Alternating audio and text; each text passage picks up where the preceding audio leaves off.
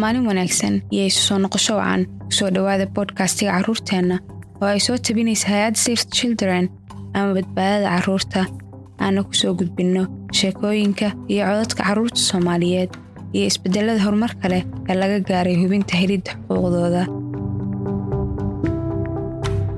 Magacaygu waa asiya qaybteenna koowaad ee barnaamijka. Waxaa kaga hadlaynaa waxbarashada gabdhaha soomaaliya iyo guulaha laga gaaray dhowrkii sano u dambeeyey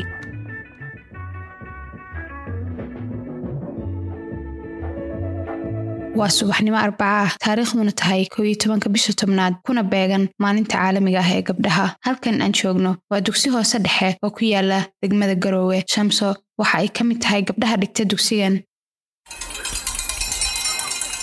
Waxaan dhigtaa iskuulka waxaan ahaa fasalka lixaad da-deedu waa saddex iyo toban sano. Subaxii waxaan soo kacaa shantiya bar weysaystaa waa tukadaa waa cadaystaa kadib qur'aana akhriyaa intaas ka bacdi buugaa la soo baxaa maadadii liisoo dhigaa akhriyaa waa soo quraacdaa iskuulka imaadaa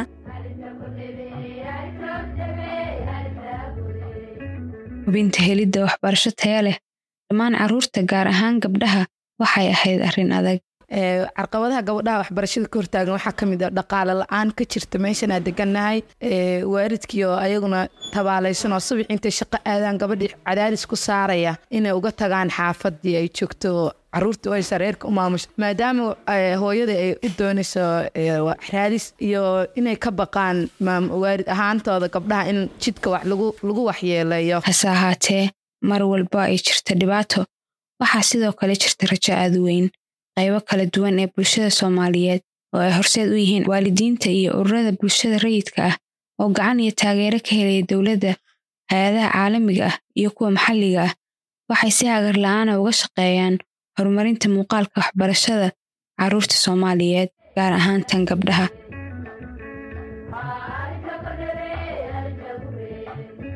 Siddeeddii sano ee la soo dhaafay waxaa kor u kacday tirada gabdhaha laga diiwaangelinaya dugsiyada hoose dhexe miyi iyo magaalaba inkastoo ay adag tahay in la helo xog go'an gebi ahaan waddanka. Balse haddaannu eegno maamulka puntland ayaa qoray guulo aad u weyn.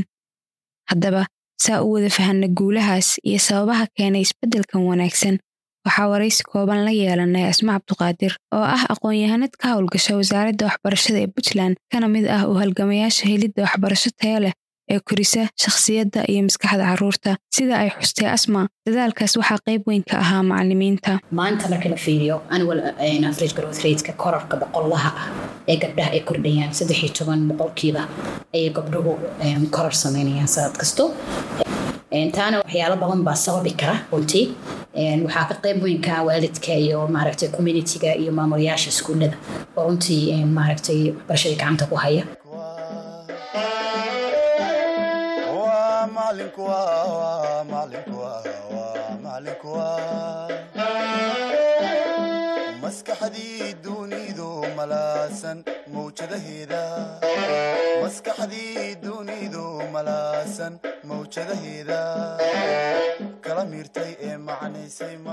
magacayga waa farxiya waxaan dhigaa iskuulka jilab. Marka maanta loo eego iskuulka heerka uu taagan yahay waxbarashada gabdhaha iyo markii hore waxay kaliyihiin laba farqi oo dadka wax weyn baa iska bedelay. Waalidkii way fahmeen inay waxbarashada gabdhaha ay tahay wax muhiim ah? Waxaasna waxaa sababay in wacyigelin loo qabtay waalidkii tababaro inay helaan xaafadihii in lagu tago la soo baraar in ardaydii la dhiirigeliyo gabdhaha markii kaalimaha galaan oo kaleeto. Inay gabdhihii noqdeen gabdho waxbarashada ayagana u firfircoon oo iskuulka ka gala kaalimo lana siiyo abaalmarino badan iskuulka maadooyinka ugu jeclaa maadada waa cilmiga bulshada macalimiinta iskuulka dhiga waa macalimiid aad u wanaagsan rag iyo dumar waa siman yihiin. Badanaa daabuurkan waanu ku dhiirigeliyaa.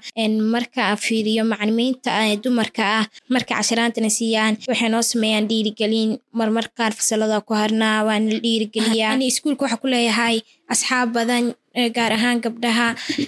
Waa asxaab aad u wanaagsan casharada bareegii oo kale waa isla diyaarsanaa badanaa casharadaa diyaarinaa kaalmahana waa galnaa waa darajadeena waa noo sheegaa soomaalidu waxay ku mahmahdaa waxbarashadu waa iftiin. Gabar wax la barayna waa bulsho wax la baray. Hase ahaatee waxaa jira caqabado badan oo hor istaaga horumarka iyo waxbarashada gabdhaha oo sababay farqi aad u weyn. Oo dhanka gabdhaha iyo wiilasha u gudba fadhiya amaba ka gudbaya dugsiyada sare balse dhowrkii sano u dambeysay waxaa jira isbeddel muuqda guud ahaan waddanka gaar ahaanna maamulka puntland. Waxbarashada gabdhaha tixgelin gaara la siiyaa gabdhaha waxbarashadooda saa wada ognahay waxay ka soo bilaabatay meel maaragtay runtii waxbarashada gabdhaha aad ugu yaraa ganaasiyada xogaha haddii la fiiriyo secondaryga hadda for example hadda example ku soo qaadan ardada fadhiya iskuulada imtixaanaadka gelaya wax ka yar toban boqolkiiba ayay runtii ku soo bilaabatay.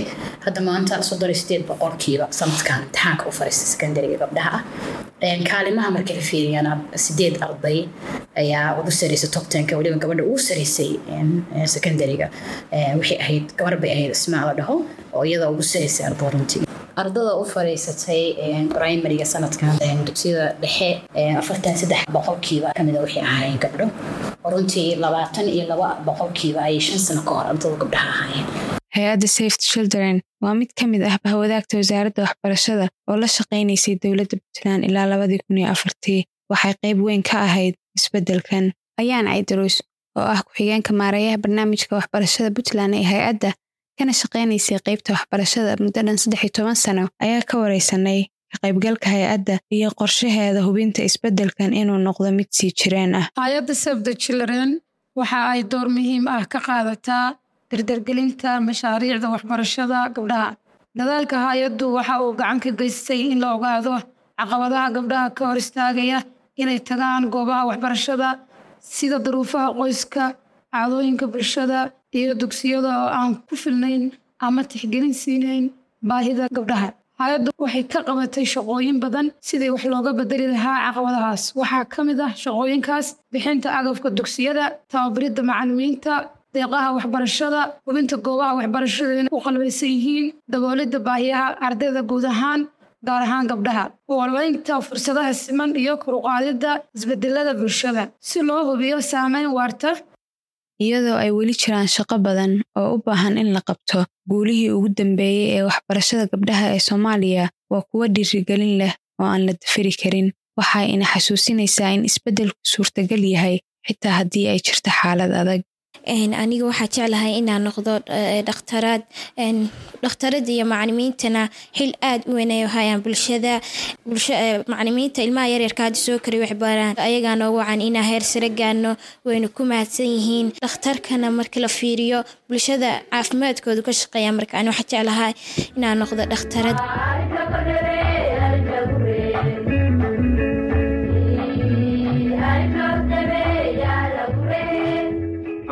gabdhuhu waxbarasho helaan waxay si fiican ugu qalabaysan yihiin inay helaan shaqooyin hufan taas oo iyana ka saari karta qoyskooda saboolnimada. Waa muhiim in had iyo jeer la xusuusto in uu doodista iyo taageeridda waxbarashada gabdhuhu aanay ahayn arrin cadaalad ku dhisan oo keliya. Waa maalgashi lagu sameeyo mustaqbal dhifaya oo siman oo barwaaqo bulshada u ah. Gabdhuhu waa lafdhabarta bulshada waxay u taagan yihiin bar ka mida bulshada kuwaasoo barbaariya tarbiyeeya waxbara barka kale bulshada sidaa daraaddeed in loo istaago daryeelkooda waxbarashadooda iyo dhisidda mustaqbalkooda waa mid waajib ku ah dhammaan bulshada iyo dowladda.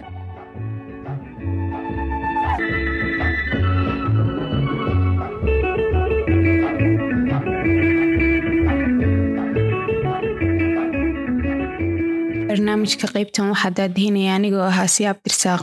Waxaana si wada jira uga shaqeeyay soo saaristiisa maxamed cabdinaasir iyo saciid ciise iyo dhammaanba haweynta safety children soomaaliya. Wixii warbixin ama faahfaahin ah fadlan kala soco baraha bulshada amaba websiteka safety children soomaaliya. La soco sheekooyin iyo warbixinno xiise badan oo ku saabsan nolosha dadaalka iyo adkaysiga carruurta soomaaliya. Ilaa wakhtiga xiga waxaan idiin rajaynayaa maalin wanaagsan